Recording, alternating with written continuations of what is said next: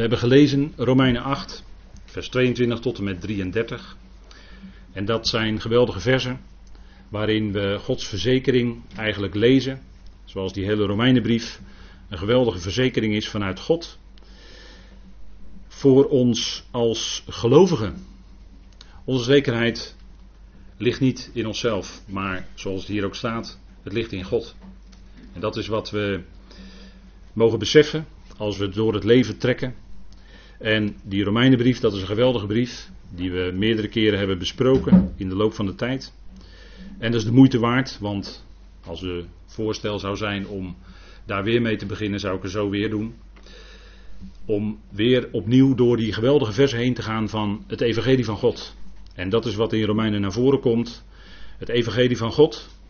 Aangaande zijn zoon Jezus Christus, onze Heer. Het gaat over Hem, het gaat over God. En dat is die God die zijn zoon niet gespaard heeft. We hebben het gelezen. En hij heeft hem opgewekt uit de dood. Dat is de zekerheid.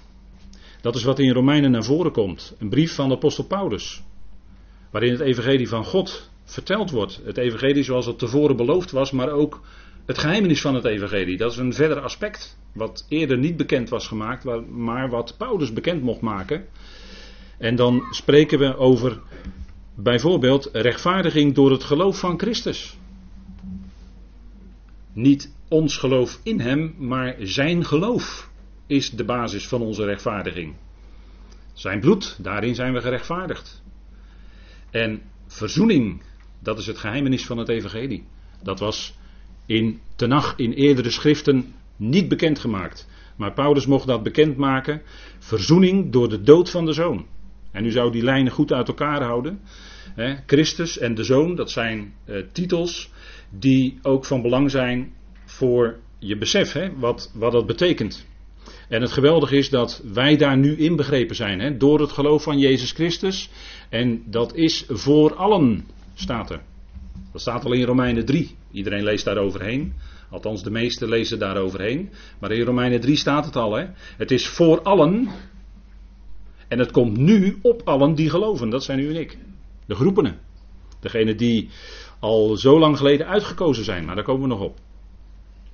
En niet alleen voor ons, niet alleen voor de gelovigen.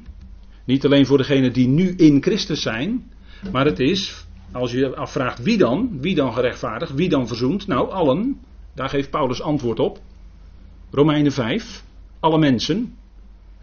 Het is niet, uh, het is door die ene sterfelijkheid sterven wij. Door Adam. En in Adam. Maar in Christus en door hem zullen wij leven. Gerechtvaardigd worden ten leven. En dat is niet alleen voor ons nu, maar dat is voor allen. die, die cirkel van, van Gods liefde die is heel breed. Dat, dat, dat omvat die hele mensheid, omvat alle mensen. in Romeinen 5 staat het ook heel duidelijk. Er staat niet alle mensen die geloven, maar er staat alle mensen. En dat is het geweldige uitzicht wat Gods woord ons biedt. Vandaar dat plaatje.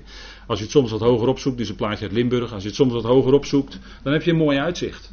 En dat doet het evangelie van Paulus ook.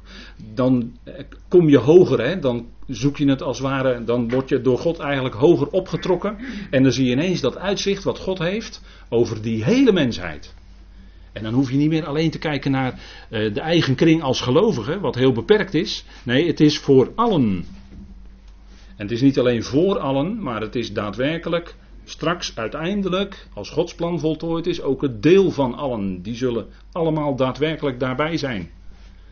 En hoe dan verder, hè? want het vervolg in Romeinen, we nemen hele grote stappen vandaag door de Romeinenbrief. Maar ja, dan zeg je, ik ben nu als gelovige, maar hoe leef ik dan? En Paulus geeft daar antwoord op. De gelovige leeft vandaag onder de genade van God. Genade zit op de troon, we hebben het gezongen. We naderen tot de troon van genade. Dat zegt de Hebreeën schrijver. Maar wij zijn onder de genade. Dat is de regeerder in deze tijd.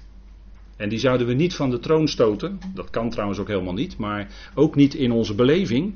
We zouden juist erkennen dat genade heerst. Dat genade regeert. En we zijn dus, eh, Paulus uh, wijdt dan twee hoofdstukken lang uit. Hè, als hij tot het hoogtepunt aan Romein, eind Romeinen 5 is gekomen. Dan wijdt hij uit dat de gelovige niet zou leven onder de zonde. Want dat is niet terecht. We leven onder de genade. Dus we gaan niet leven, we gaan niet langer door onder de zonde. En we leven niet onder de wet, Romeinen 7. En Paulus eh, getuigt daarvan dat hij er een ellendig mens van werd hoor, van die wet. Om te, niet dat die wet verkeerd is, maar om zelf proberen daaronder te leven vanuit, je, vanuit jezelf, vanuit je eigen ik, vanuit je vlees. Dan word je een ellendig mens hoor. Want je voldoet er nooit aan. Nooit. En de genade zegt, je bent vrijgesproken. En daar waar we nog bij gelegenheid ons doel missen, dat willen we niet, maar het gebeurt toch. Want we, we hebben nog te maken met dat vlees, die oude mens. En dan gebeurt er toch bij gelegenheid. Maar wat is dan het antwoord? Het antwoord is dan niet veroordeling. Het antwoord van het evangelie is dan genade. Dat is het. Dat is het bevrijdende van het evangelie. Ja, maar dan mag je, dat is maar mooi makkelijk zeggen, dan mag je maar zo maar je gang gaan. Nee, dat, dat zeggen we toch net. Niet onder, we leven niet onder de zonde. En we leven niet onder de wet, maar we leven onder de genade. En die genade geeft ons de kracht, hè, de kracht van God, die geest van God. Dat is die genade die Hij in deze tijd geeft om te kunnen leven. Hoe? Tot zijn eer. En daar spreekt Romeinen 8 over. Leven door welke kracht dan? Een aantal weken terug uh, heb ik gesproken over de kracht van God. Weet u wel, die vogel die zo uh, mooi op die, op die lucht, op die wind uh, zo zweeft hè, in de lucht. Dan word, je, dan word je als het ware opwaarts gedrukt door die, door die wind. En dat is een geweldig beeld van het werk van de geest in ons. Dat hij in onze moeilijke omstandigheden ons die kracht geeft, zodat we ons gedragen weten. Ook in tranen, ook in verdriet, ook als er lijden is in ons leven. Het leven is helemaal niet makkelijk. En hoe ouder je wordt, hoe meer je dat gaat merken, allerlei gebreken. Je gaat steeds meer uh, gebrekkig lopen, of je kunt zelfs helemaal niet meer lopen. Misschien al vele jaren lang niet meer. Dat zou zomaar kunnen. Dat is moeilijk, dat is geen makkelijke weg. Het is niet makkelijk. Maar we hebben nochtans die kracht van die geest van God in ons. En daar kunnen we door leven. Want als je Romeinen 8 leest, dan lees je de overmaat aan geest die wij hebben ontvangen. Daar spreekt Paulus over de geest van Christus. Hij spreekt over de geest van het zoonschap. En dat is, dat is een pointe hè, vandaag. De geest van het zoonschap. We zijn zonen. We hebben een geweldige status in hem. Zegt u, ja, nou, ik ben maar een heel klein, nietig, nederig mensje. Ja, ik ook. Zo voel ik me vaak. Maar eh, we, gaan niet op, we gaan niet alleen op ons gevoel af. Onze geestelijke status is, is dat wat God zegt. We hebben die geest van het zoonschap ontvangen. We zijn zonen. En we zijn op weg. Want dat lijden en die verdrukking en die moeite en die pijn en, en al dat ongemak, dat, dat is er niet zomaar, maar dat is opdat we die contrasten zouden kennen die God in zijn woord naar voren brengt. Hè. De contrast, het contrast van lijden nu, verdrukkingen nu. Maar wat gaat komen is heerlijkheid. En het lijden is beperkt. Het lijden is beperkt. Daar heeft God een beperking aan gesteld. Daar is een tijd voor. Beperkte tijd. Maar de heerlijkheid, dat wat gaat komen, dat is oneindig voor ons. En voor ons is dat te zeggen, ja, dat is in de komende eonen, de komende tijdperken. Klopt, maar daarna gaat die heerlijkheid gewoon door. Dat stopt niet aan het eind van de eonen. Dat gaat gewoon door. Maar dan wordt het nog veel heerlijker, want dan is iedereen erbij. Dan leeft iedereen. Dan zien we ook onze ongelovige geliefden weer terug in de opstanding. En al eerder bij de grote witte troon trouwens. Maar daarna bij de levendmaking zien we onze ongelovige geliefden weer terug. Dat geeft een geweldig antwoord van, ja maar heer, hoe zit het nou met mijn ongelovige geliefden, mijn, mijn familieleden die niet, maar niet willen geloven, mijn buurman of buurvrouw die maar niet wil geloven. Hoe zit het daar dan mee? Nou, dat, God zet hele grote stappen. Via de grote witte troon. Dus niet zomaar wat hoor, die grote witte troon. Dat is een sessie hoor. Dat is niet een kort momentje, dat is niet een seconde. Nee, dat is een heel gebeuren hoor, die grote witte troon. Dus dat moet u ook niet onderschatten. We stappen niet zomaar even heel makkelijk over de gerichten van God heen. Dat moet gaan komen om dingen recht te zetten. Maar als het recht gezet is, dan wacht voor diegene nog de tweede dood. Maar die tweede dood die wordt ook opgeheven. Want uiteindelijk zal God het laatste woord hebben. Leven dus. Want God is geest en dus leven. Leven heeft het laatste woord. En het werk van de geest is nu in ons. Wij worden door die geest van God geleid. Ja, maar dan zegt u, hoe gaat dat dan? Als ik nou een belangrijke beslissing moet nemen, moet ik dan, eh, als nou het stoplicht, hè, zo doen mensen dat soms, ja, dat is, dat is, historisch hoor. Als het stoplicht nou binnen een paar seconden op groen springt, dan moet ik die kant op in mijn leven. En als het nou nog een tijdje rood blijft, dan moet ik die andere kant op. Nou, zo werkt het dus niet. God werkt heel vaak door omstandigheden. Misschien heeft u dat ook in de loop van de tijd wel ontdekt. Dat God leidt eigenlijk door de omstandigheden. En, als we het hebben over de geest, dan leidt hij door het woord. Hij leidt ons door het woord. Want welke kant je in je leven op moet, dan kan best zijn dat het woord verrassend vaak antwoord geeft. Wat is nou wijsheid? Welke kant moet ik nu op? Gods woord geeft antwoord.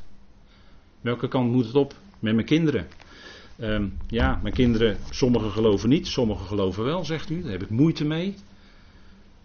God geeft het geloof. En anders gaat God met dat kind een andere weg. Dat is moeilijk, dat is niet makkelijk. Dat kan een weg van tranen zijn. Wat er, wat met je kinderen gebeurt. Wat je kinderen overkomt. Dat is, dat is niet gemakkelijk. Maar we worden geleid door de geest van God. We zijn zonen van God. Dat is het geweldige. Hè? U en ik, we zijn zonen van God. Niet alleen kinderen.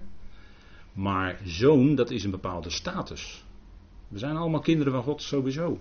Als gelovigen. Maar zoonschap, dat is een bepaalde status. En daar zijn we naartoe op weg. En daarom gaan wij door die leerschool van het leven. Een moeilijke weg vaak. Van voetangels en klemmen. Van allerlei dorens en distels. Wat voor beelden moeten we nog meer gebruiken? Maar het werk van de geest. En hij leidt ons. En hij geeft dan bijzondere kracht in moeilijke omstandigheden. Wat denkt u ervan? Paulus en Silas, voeten in het blok in de kerken geworpen in Filippi. En wat deden ze? Zingen. In de nacht. Jawel. Zingen in de nacht. Dat kun je niet vanuit jezelf. Dat is God die dat geeft. Dat is Gods geest die je dan die kracht geeft om dat te kunnen. Dat is niet nonchalant over de omstandigheden heen stappen of onverschillig. Nee, je voeten zitten in het blok in de kerk en dat was in die tijd geen pretje. En dan toch zingen in de nacht. En dat is ook wat wij kunnen leren van de apostel Paulus hè, als groot voorbeeld. Zingen in de nacht van ons leven. Zingen als het moeilijk is. Als alles duister om je heen lijkt. En je weet niet meer hoe het verder moet. Dan zingen in de nacht. Kan dat? Ja, dat kan. Dat kan. Dat is wat God geeft. Dat kun je niet uit jezelf. Dat dan zegt u ja, dat is bovenmenselijk. Klopt, klopt, is ook bovenmenselijk. Komt van boven. Alle zegen komt inderdaad van boven, ja, zeker, van God. En Hij geeft in die omstandigheden die kracht die nodig is om verder te kunnen. Dat is het werk van de geest. Dat is een geweldige kracht in ons, die ons leidt. En die ons leidt altijd in overeenstemming met het woord. Want je kunt de geest nooit loskoppelen van het woord. Dat gebeurt op podia wel, maar dat zou je niet doen, want dat geeft geestelijke schade. Dan word je niet meer geleid door de geest van God, maar dan word je geleid door geesten. En dat wens ik u niet toe. Die schade die dan veroorzaakt wordt, wens ik u niet toe. Pastorale schade die tientallen jaren later dan nog steeds aan de orde is. Wens ik u niet toe. Dat is ernstig hoor, zoiets. Maar we zouden geleid worden door de geest van God. Die ene geest. Die leidt in de waarheid van het woord. Die geest. En dat is het punt. Hè? En Paulus heeft het in dit hoofdstuk steeds over weten. En dat vinden sommige mensen irritant. Weet Paulus het dan allemaal zo goed? Nou, ik voel me vaak heel erg onzeker. En het punt is dat hij snijdt dat aan in Romein 18, stukje dat we gelezen hebben. En dan zegt hij eerst: Wij weten niet. Dat is onze zwakheid. En dan zegt hij, of hij zegt eerst: Sorry, wij weten. Zoals hier uh, even voor u uitgewerkt. Hè? Wij weten niet vervolgens.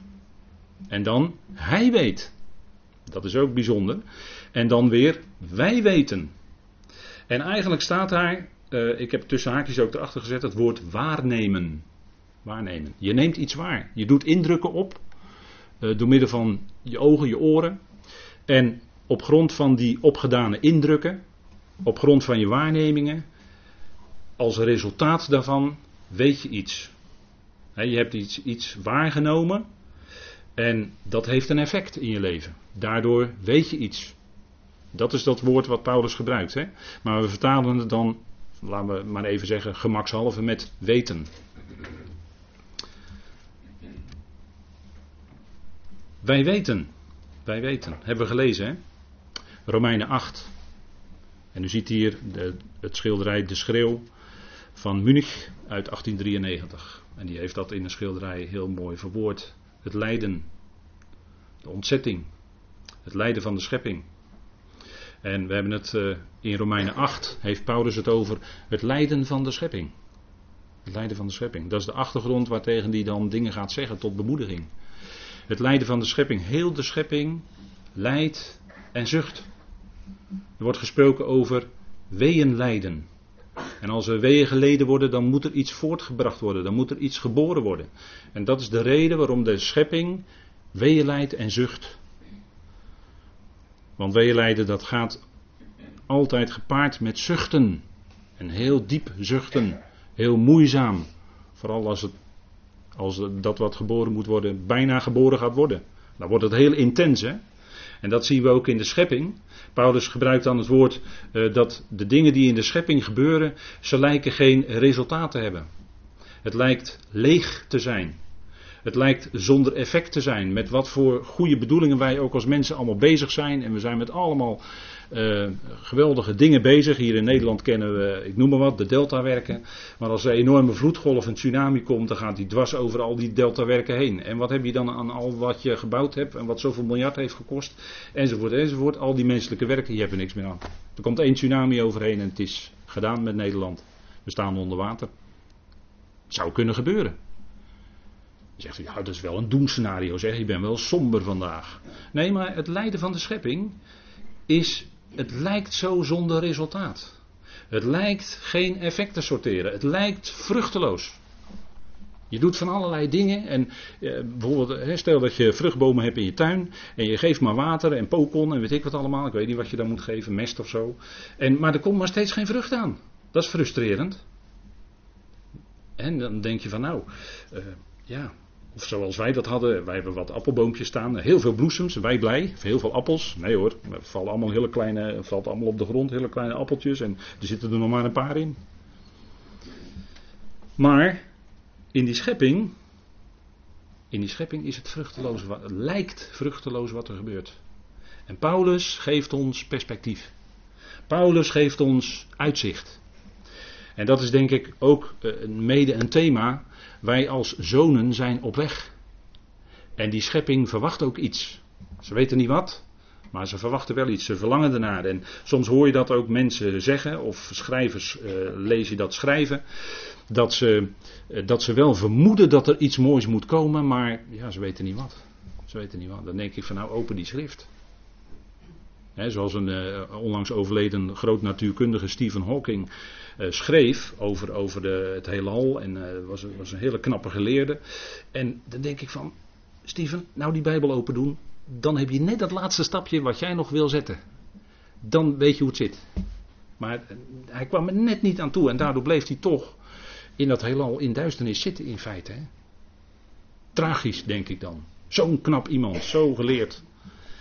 En het perspectief is wat Paulus aan ons als gelovigen geeft is een uitzicht van heerlijkheid.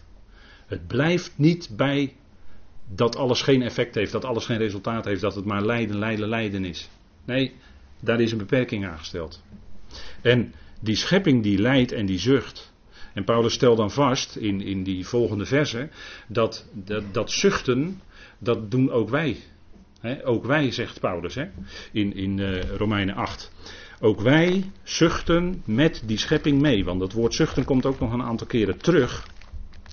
Niet alleen die schepping, wij ook. En dan later die geest.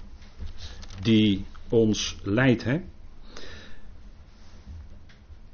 Vers 23 zegt Paulus dat. En dat niet alleen, niet alleen die schepping, maar ook wij zelf, die de eerstelingen van de geest hebben, ook wij zelf, zuchten in onszelf in de verwachting van het zoonschap.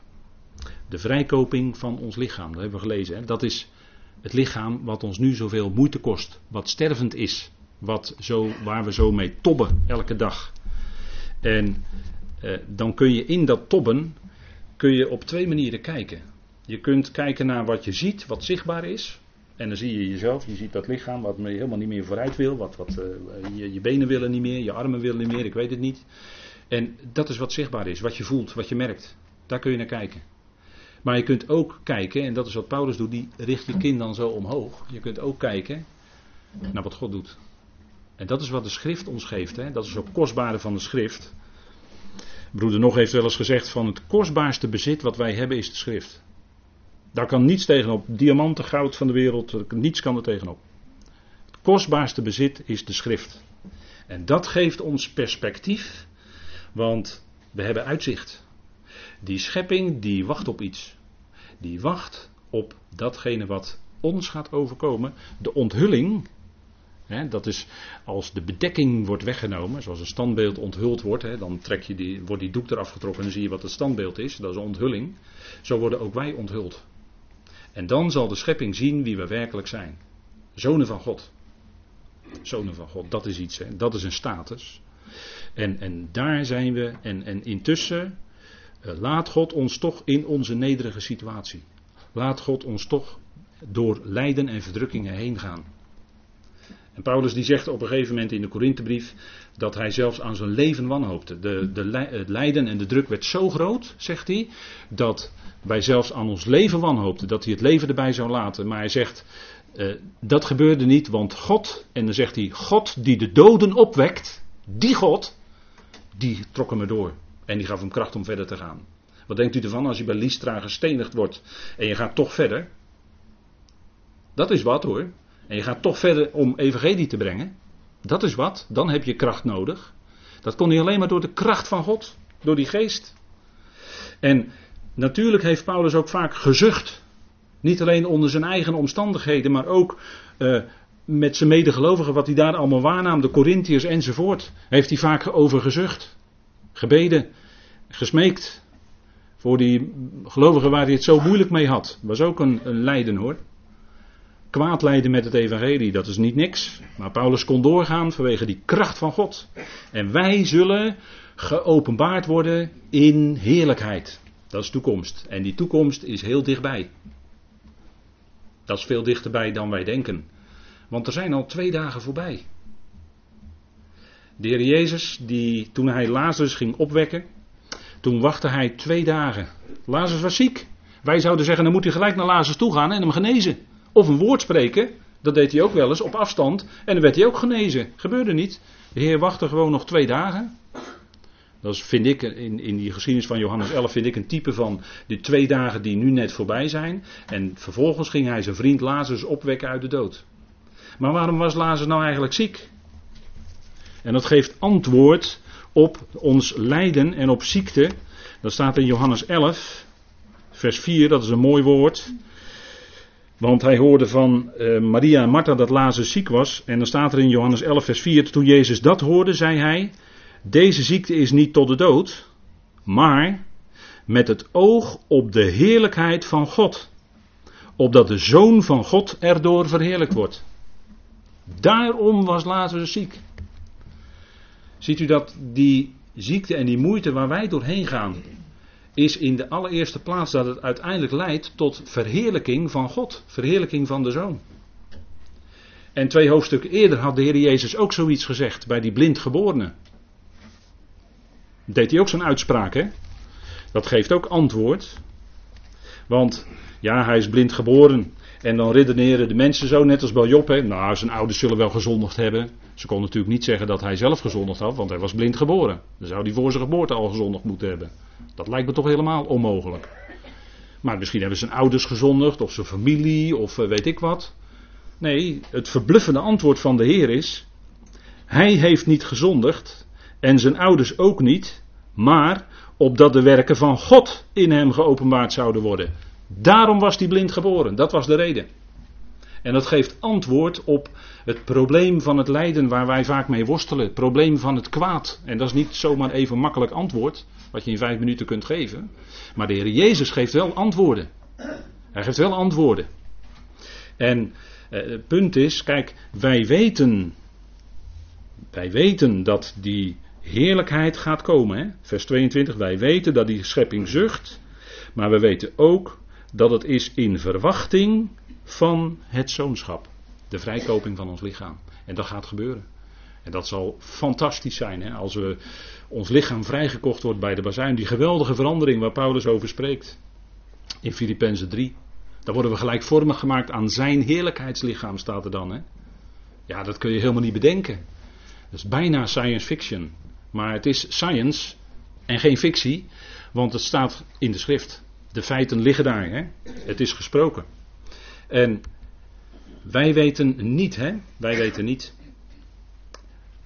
Dat is, het, uh, dat is onze zwakheid. Onze zwakheid is op vele manieren aanwezig. Hè? We zijn als mensen zwak, we worden steeds zwakker. En onze zwakheid is ook datgene wat wij niet weten. En wij weten niet wat we zouden bidden overeenkomstig. En dan staat er eigenlijk wat moet zijn. We hebben gelezen uh, naar wat, wat behoort, wat naar behoort, of wat uh, behoort te zijn. Maar eigenlijk staat er, wij weten niet wat we zouden bidden overeenkomstig wat moet zijn. Want wat moet zijn, dat weten wij niet. Wij weten niet wat er morgen in ons leven gebeurt. Wat dat betreft zijn we hoogst onzekere mensen. En we, vertellen, we stellen ons vertrouwen op God, ook voor de dag van morgen natuurlijk. Maar je weet niet wat er morgen gebeurt. Je weet niet dat je kind ineens iets kan overkomen. Zoals uh, vorige week broeder Leen de Geus vertelde, van wat hem overkwam. Nou, afgelopen week uh, was bij ons ook raak dus. Hè, onze zoon die viel en die uh, bleek een, een sleutelbeentje gebroken te hebben en een vinger moest geopereerd worden. Zenuwen aan elkaar. Weet je ook niet van tevoren dat zulke dingen gebeuren. Hè? Het overkomt je. Dat zijn dingen die, waarvan de prediker zegt, en dat was een wijs man, die prediker, tot op zekere hoogte. Voor alles is een vastgestelde tijd en een tijd voor elke gebeurtenis onder de hemelen. En als God zegt het is nu tijd, of morgen is het tijd voor de bazuin, dan is het de tijd. Daar staat een datum voor. Dat gaat God doen op de vastgesteld, door hem vastgestelde tijd. dat, dat vastgestelde tijd, dat is wel bijzonder hoor. Dat komt bijvoorbeeld ook in Ezra voor. Uh, dan gaat het om dat, dat uh, koningen uh, tijden vaststellen. En ook bij ehm, Esther. Als het Purimfeest wordt ingesteld, dan moet dat op een vastgestelde tijd gebeuren. Dat woord wordt hier gebruikt. En dan wordt het woord tijd gebruikt, dat is een veel algemener woord. En dat tijd, en dan noemt de prediker, noemt 28 aspecten in prediker 3. er zijn ook uh, uh, liederen van gemaakt, er is ook op muziek gezet. een tijd voor dit en een tijd voor dat. Maar 28 aspecten. Dan zegt u ja, dat is 4 keer 7. Ja, want 7 heeft te maken met deze oude schepping nog. Hè? Wat, het, het, het werk van God in deze oude schepping, dat wordt vaak ook uitgedrukt met het getal 7. Denkt u maar aan het herstelwerk in Genesis 1. Zeven dagen. Zeven dagen. En dan kan je er natuurlijk hele, hele uitgebreide bomen over gaan opzetten. Maar zeven, dat is wat het getal wat verbonden is met deze oude schepping. En het getal 8, dan is er een nieuw begin. Dan krijg je die nieuwe schepping. Hè? Maar 4 keer 7, 28 aspecten noemt de prediker. En eigenlijk zou je kunnen zeggen, als je dat naloopt zo, dan begint dat met een tijd om geboren te worden. En het eindigt met een tijd van vrede. En een uitlegger die merkte op dat dat omspant eigenlijk uh, het moment van de schepping van de mens, hè, wat dan, dan figuurlijk door geboren worden hier wordt uitgesproken door prediker. En het eindigt met een tijd van vrede. Dat is het millennium, dat is de duizend jaar. Dat is wat God in deze schepping doet. En dan vooral wat alles wat gebeurt, hè, moet u maar eens lezen in, in Prediker 3. Hè, een tijd voor dit en een tijd voor dat. En een tijd om stenen op te rapen, geloof ik. En dan weer een tijd om stenen weg te gooien.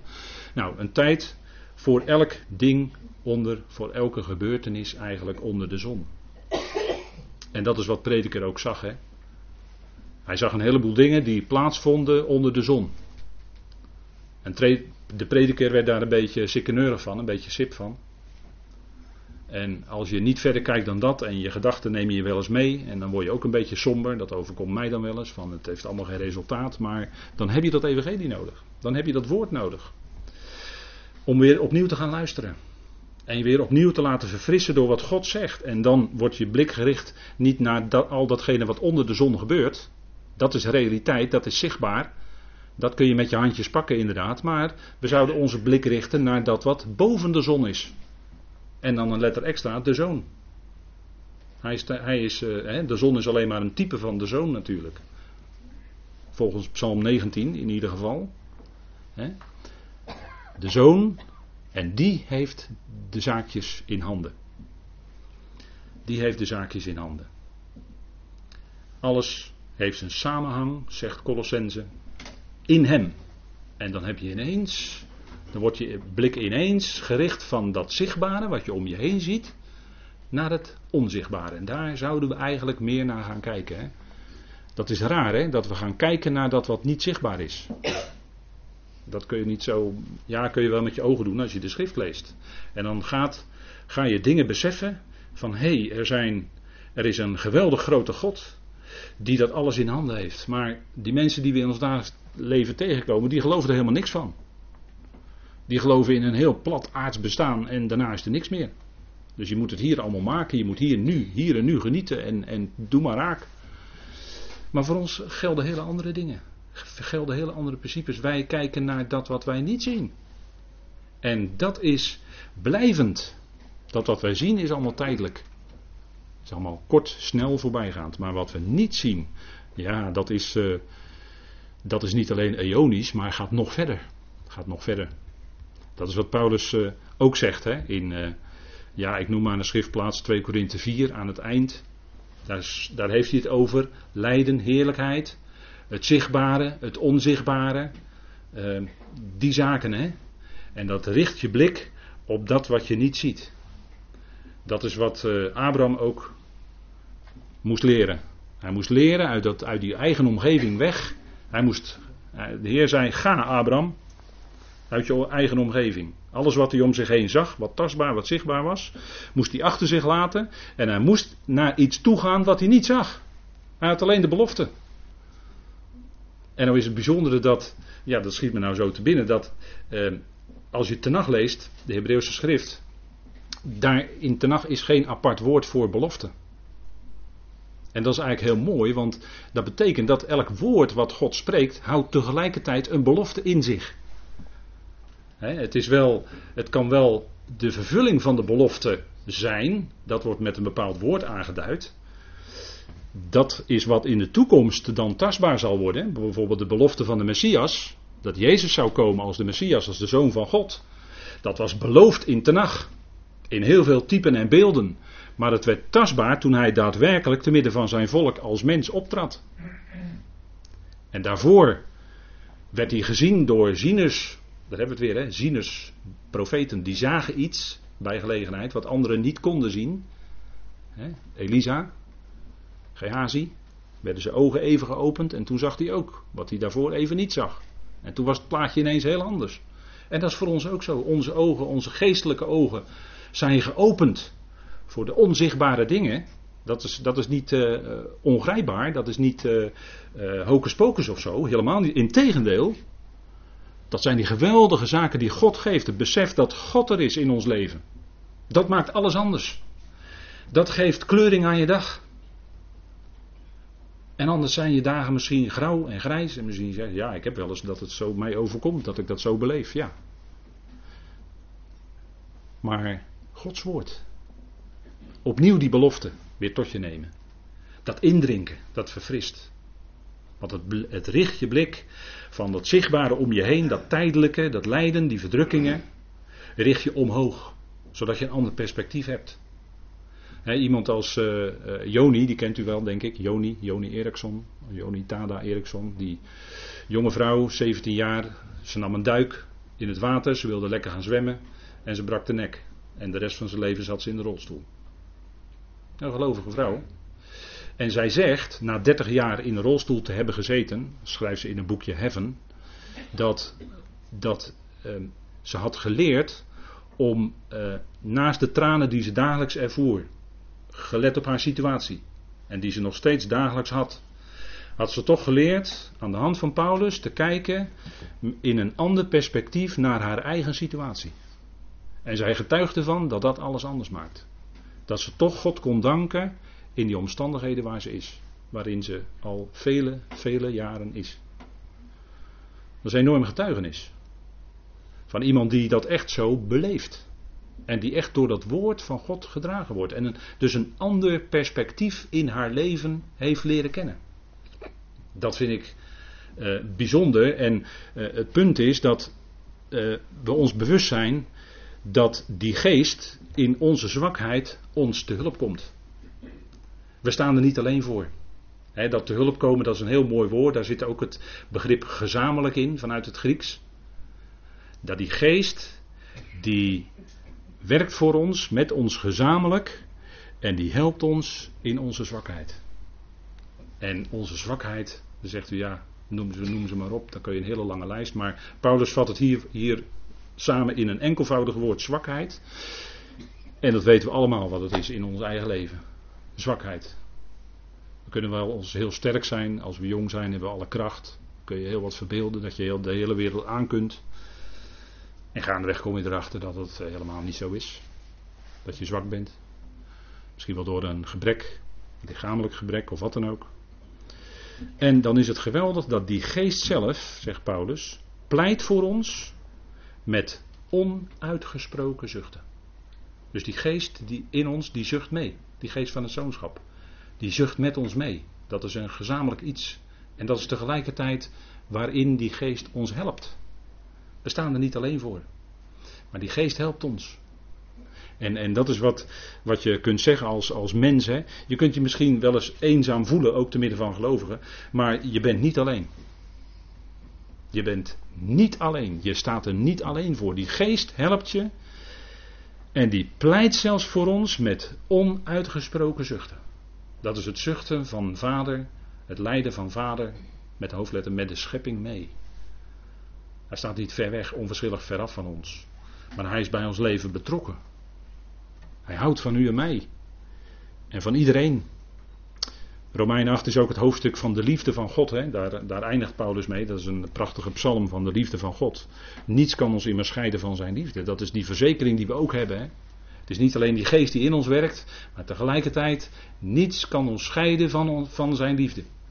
Dat is wat we als vertroosting meekrijgen. En dan weet je je vertroost door het woord. En het punt is, het geweldige is, hij weet. Kijk, wij weten niet, maar hij weet iets wel. Hè? Dat zegt Romeinen 8 verder. Hij doorzoekt de harten. En dan zegt u, ja, nou, oei, hij doorzoekt de harten. En wat vindt hij daar dan? Dat die geest in ons hart werkt. En dat die gezindheid van die geest naar voren komt. Hij weet, hè, hij neemt waar, de gezindheid van de geest die in ons overeenkomstig, en dan staat er misschien iets geks, maar overeenkomstig God. Dus overeenkomstig wat God in ons leven doet en wat God met ons leven voor heeft, pleit hij voor ons. En dat, dat is, een, dat is een, weer zo'n sleutel voor onze onzekerheid. Wij weten niet, dat is onze zwakheid. Maar hij weet. Hij weet wel hoe het zit, hoe het verder moet. En hij kent die gezindheid van de geest. En gezindheid, dat, is, eh, dat hebben we met Filippenzen, uh, is dat aan de orde geweest in de Bijbelstudie Filippenzen, die we net afgesloten hebben. Maar daar ging het om de gezindheid van Christus. Dat wil zeggen, wat is nou je basishouding? Bij onze Heer is dat ootmoedigheid. En dat is voor ons het voorbeeld. Wij zouden ook wandelen in die gezindheid. Ootmoedigheid. Dat wil zeggen, laag. Je bent zoon, maar dat is geen reden om jezelf even op te beroemen en te zeggen van kijk mij eens. Nee, laag. Dat is het grondbegrip bij uh, ootmoedigheid hè? vanuit de grondtekst. Laag. Zoals hij ook die weg van vernedering ging. Die weg die liep via het kruis. De moeilijkste weg. Die gezindheid. En dat werkt de geest in ons uit. Dat we ons niet verheffen de een boven de ander maar dat we ootmoedig zijn. En die pleit overeenkomstig God. Hè. Pleiten, dat is een heel mooi woord. Uh, dat betekent opkomen voor. Hè, als was het een advocaat. Hè, pleit, die doet pleitnota's, hè, schrijft een advocaat. Maar Wij hebben de meest geweldige advocaat die je maar kunt beseffen, de geest zelf in ons. De geest van het zoonschap. Die komt voor ons op. Bij de Vader. Want er zijn natuurlijk altijd aanklachten en, en beschuldigingen en noem maar op. daar is die de aanklager, eh, die staat altijd klaar om aan te klagen. Dan weet u wel wie ik bedoel. Paulus had last van een bode van de tegenstander die je met vuisten sloeg. Dat bedoel ik dan. Die aanklager die staat natuurlijk altijd klaar om die, moet je die geloven kijken. Nee, is geen veroordeling voor hen die in Christus Jezus zijn. Genade regeert. Die geest komt voor ons op. Geest komt voor ons op. het is, en dat is ook wat wij niet zien. er is eigenlijk, uh, ja, laatst in de vertaalgroep kwamen we dat tegen. Dat, dat het woord strijd in, in, bij Paulus niet altijd strijd is, maar er staat eigenlijk oorlogvoering. Wordt het woord oorlog gebruikt. En daar schrik je dan een beetje van. Maar zo ernstig is het wel. Als Paulus dat woord gebruikt, dan is het kennelijk volle, volle ernst. Maar de prediker zegt er is een tijd van oorlog, daar eindigt deze derde aion mee. En daarna komt de tijd van vrede. En wij leven ook in oorlog en wij houden vrede. Dat is onze houding, hè? over gezindheid gesproken, vrede. Vrede met die ander die door de tegenwerker gebruikt wordt om jou te treffen. Maar onze worsteling, onze oorlogvoering is niet met bloed en vlees. Maar dat is iets anders wat dat, wat dat bloed en dat vlees beweegt. In beweging zet. Om jou als gelovige te treffen. Om, je, om zich vijandig tegen je op te stellen. En wat is ons antwoord dan? Vrede. Het is vrede. Wij beantwoorden vijandschap niet met vijandschap. Maar wij beantwoorden net als God vijandschap met vrede. Omdat wij kijken, daar hebben we het weer, wij kijken naar wat je nu nog niet ziet. Maar wij weten dat die vijanden die wij tegenkomen in ons leven, dat dat toekomstige vrienden zijn. Dus wij kijken al een paar stapjes verder. Ziet u dat het maar net is hoe je kijkt? En, en welke, welke bril je opzet? En Paulus, de brieven van Paulus, die bril die hou ik graag op. En zo de schrift lezen. Dat zouden we wel doen. Want dan heb je het scherpste zicht. Geestelijk gezien. Dan zie je het meest. En voor heel wat gelovigen is dat misschien nog een, een licht wat hen verblindt. Maar als dat licht steeds feller gaat schijnen in je hart van het evangelie wat hij mocht brengen, dan zie je de dingen hoe ze werkelijk zijn. En dan ga je ook de schrift dieper verstaan. Maar je moet niet lezen het nieuwe in het licht van het oude. Maar je moet het oude lezen in het licht van het nieuwe. Zo zou je de schrift lezen. En dat is wat ook wij, hè, wij weten, dat is het volgende facet. En dat is eigenlijk uh, ja, een, prachtige, een prachtig woord. En kijk, vaak wordt deze tekst als losse tekst aangehaald. En soms vind ik dat een beetje. Het is een geweldig woord. Maar soms vind ik dat ook een beetje jammer. Omdat Paulus dit zegt tegen de achtergrond van wat hij eerder in Romeinen 8 heeft gezegd. Over het lijden. Over het zuchten. Over onze zwakheid. Over wat ons overkomt in ons leven. En, en dan is dit de verzekering. Wij weten. En dat is dus, dus dat waarnemen. Hè, voor degenen die God liefhebben. En dat zijn u en ik. Hoe weet je dat je God lief hebt? Nou, dat je geroepen bent en dat Hij zijn liefde in je hart heeft uitgegoten. Je hebt liefde tot zijn woord, je hebt liefde tot je medebroeders en zusters. Dan heb je God ook lief. En, en, en naarmate, je, naarmate dat in je groeit, want dat is ook een heel groeiproces, wil je ook God steeds meer de ruimte geven in je leven. Vader, doet u het maar in mijn leven. Ik stel mijn leven voor u ter beschikking. Doet u het maar in mijn leven. Als je dat zegt, dat is al sowieso al een bewijs dat je God lief hebt. Maar dat heeft God in je gewerkt. Hij gaf zijn liefde eerst in je hart. En zo kun je hem lief hebben. We moeten het paard niet achter de wagen spannen. Hij had ons lief. En voor degenen die God lief hebben, en dat is helaas in de NBG-vertaling weggevallen, maar God, alles doet samenwerken tot wat goed is. Er staat twee keer God in deze tekst. Het punt is dat wij God, dat is de plaatser, die alles in ons leven een plaats geeft, dat God alles doet samenwerken tot wat goed is. En met dat alles is alles, daar staat echt alles, hè? dat is alomvattend. En eh, dan kunnen we zeggen, ja, eh, je kan zeggen, sowieso het goede, dat is natuurlijk, ja, dat werkt mee ten goede. Iets wat goed is, werkt sowieso mee ten goede. Dat is al goed. Maar het punt is dat alles samenwerkt tot wat goed is. Dus ook, ja, ook dat. Dus ook het lijden in mijn leven, dat is moeilijk hoor. Dat is moeilijk. Of het kwaad wat je overkomt. Ja, Paulus zegt alles. God doet alles samenwerken. En het punt is dat wij kijken naar, vaak naar wat zichtbaar is. Wij kijken dan naar zo'n stukje. Hè? Maar dat is het proces. Maar je moet kijken wat, wat daar nog achter zit.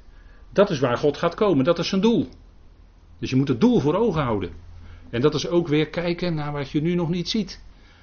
Maar je ziet het geestelijk al wel, want je weet dat God alles in alles zal zijn. Dat Hij zijn heerlijkheid zal laten zien in heel die nieuwe schepping. Dat alles verheerlijkt zal zijn.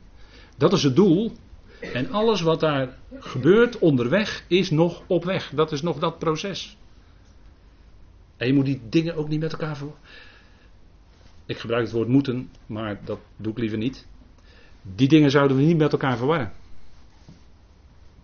Het proces leidt tot het einddoel en het einddoel is heerlijkheid. Het proces is tijdelijk en waar God naartoe werkt, zijn plan, voltooiing van zijn plan, dat is straks eindeloos. Daar zit geen einde meer aan. Komt er geen einde? Nee, daar komt geen einde meer aan. Dat is fantastisch, hè? Maar hij doet alles samenwerken tot wat goed is. Dat is een troostvol woord. Dat is een, troostvol, een woord vol bemoediging, denk ik. En het punt is dat, dat wat we vanmorgen dan eh, met elkaar zien is, hoe kijk je? Hè? Kijk je nu vanuit God? En dat is wat we gaandeweg steeds meer gaan doen. Hè? We gaan de dingen meer bekijken vanuit God, vanuit Hem. In plaats van uit ons eigen beperkte kleine wereldje, klein hersenpannetje wat we maar hebben. Heel beperkt allemaal. En ook heel erg tijdelijk. Jacobus zegt het leven is een damp. Het is zo weer voorbij. we zijn heel even op deze wereld, maar het lijkt wel een damp. Hè. Voor je het weet is het ook weer, ben je ook weer weg. Maar God weet je dan te vinden, uiteraard. Hè. Dus niet zomaar. Maar hij doet alles samenwerken tot wat goed is. En hier ziet u de achterkant, denk ik, van zo'n borduurwerk. Ik heb daarna gezocht op internet, maar dan kwam ik dit plaatje tegen. En dan zeg je, nou, zo'n rommeltje, al die draden door elkaar heen, stelt helemaal niks voor. Maar je zou die andere kant moeten zien. Waar God naartoe werkt. Dat is een mooi voorbeeld, hè? Ik geloof ooit van Corrie ten Boom. Maar waar God gaat komen is natuurlijk fantastisch. Dat is, dat is geweldig waar hij gaat komen. Alleen al die draden, en ook in ons leven lopen allemaal draden en uh, allemaal verward. En hoe moet het nou verder en waar moet ik nou naartoe?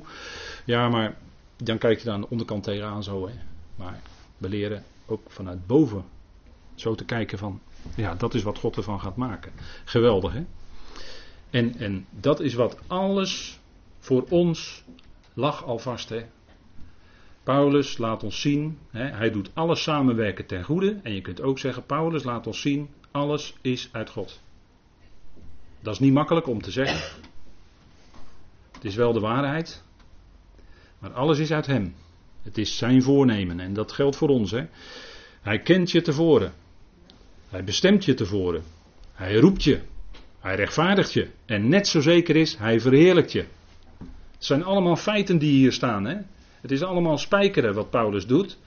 Vijf geweldige facetten. En het is in overeenstemming met zijn voornemen. Let op het woordje voor. Hè? Voor, tevoren, tevoren. Alle drie keer. Heel nadrukkelijk. Het lag alvast bij vader en in de tijd werkt hij het uit. Roept hij u, jou en mij. En dat is wat, ja, waar we toe geroepen zijn. Hè? En dan zegt u, waartoe is dit alles? Daar hebben we wel antwoord op gevonden hè, in de schrift. Romeinen 8 geeft antwoorden. Wij worden gelijkvormig aan het beeld van de zoon. We zijn nu nog beelddragers van Adam. Wij dragen nu nog het beeld van de stoffelijke, zegt Paulus 1 Corinthië 15. Nee, van de stoffelijke. Van degene die geformeerd werd uit de bovenste laag van de aardbodem. Dat beeld dragen wij nu. Maar wij zullen het beeld dragen van de zoon. En God verandert ons. En hij werkt in ons, hij werkt met ons door omstandigheden, door, eh, ook door eh, lastige dingen waar we zelf mee behept zijn. Daardoorheen werkt God en hij komt tot heerlijkheid. Dat is zeker hè. En het is vanuit de positie van vernedering. We dragen nu nog het beeld van Adam. Dat is zichtbaar. Maar waar we gaan komen is het beeld van de zoon. Dat gaat hij van ons maken. En net zo zeker als wij nu beelddragers zijn van Adam, zullen wij net zo zeker beelddragers zijn van de zoon. Dat is geweldig. En dan houden we toch onze eigenheid hoor. We worden niet allemaal identiek aan de Heer. We, houden, we blijven wie we waren. We zullen elkaar herkennen in de toekomst, in heerlijkheid. Maar dan is het wel heerlijkheid. En dat is wat we nu nog niet zien. Dat is nog onzichtbaar. Maar daar kijken we al naar uit. En God verandert ons al van binnen, zodat we gelijkvormig worden aan het beeld van de Zoon. Zodat we toch in ons leven wel iets zichtbaar wordt. Hè? Want ze zeggen, ja, maar hoe werkt dat dan praktisch? Nou, denk dus aan de vrucht van de geest. Een hebbert wordt een gevert. Een vijand wordt een vriend. Iemand die altijd het conflict zocht, wordt vredig. Iemand die stokongelovig was, gelooft nu voluit de schrift. Nou, dat is het werk van de geest. Dat kun je niet zelf. Maar dat is die vrucht van de geest. Dat is misschien wel een opstandig standje ongeduld. Maar door de, door de werking van de geest word je een geduldig mens. Paulus was niet zo zachtmoedig hoor. Toen hij Saulus was. Oh nee. Hij, hij blies dreiging en moord. Maar het werd een heel zachtmoedige apostel. Een zachtmoedig mens. Kijk, dat is wat de geest in ons bewerkt. Dat is die verandering. Dat, dan wordt dat beeld van de zoon al in ons zichtbaar. En daarvoor kneedt God ons als die grote pottenbakken. En worden we gelijkvormig aan het beeld van de zoon. Dat is geweldig, hè? daar gaan we naartoe. En dat is, en wij zijn ook nog, als het ware zou je kunnen zeggen, nodig voor zijn heerlijkheid. Want hij is dan de eerstgeborene onder veel broeders. Dat zou die niet kunnen zijn als die broeders en zusters er allemaal niet waren. Maar hij is de eerstgeborene onder veel broeders. Hè? Dan. Hij staat aan het hoofd van het lichaam. Dat is nu al zo, wij erkennen dat. En daardoor erkennen we ook wat Paulus zegt in vers 31. God is voor ons. God is voor ons. En dit is de vale Vorige keer uh, had ik de albatros en de condor. Maar dit is de vale En die wordt ook genoemd in uh, Jezaja 40. Hè, dat je op vleugelen gedragen wordt van een vale gier, staat er dan eigenlijk. Die vogel wordt daar bedoeld. Hè? Wij worden dan gedragen. Zij die God verwachten, zij die het van God verwachten, zegt Jezaja daar, die vernieuwen hun kracht. Dat is het geheim van de geest in ons. De geest van het zoonschap. En de schepping zal verbaasd zijn en wij nog meer van wat ze dan zullen zien als dat onthuld wordt. Amen.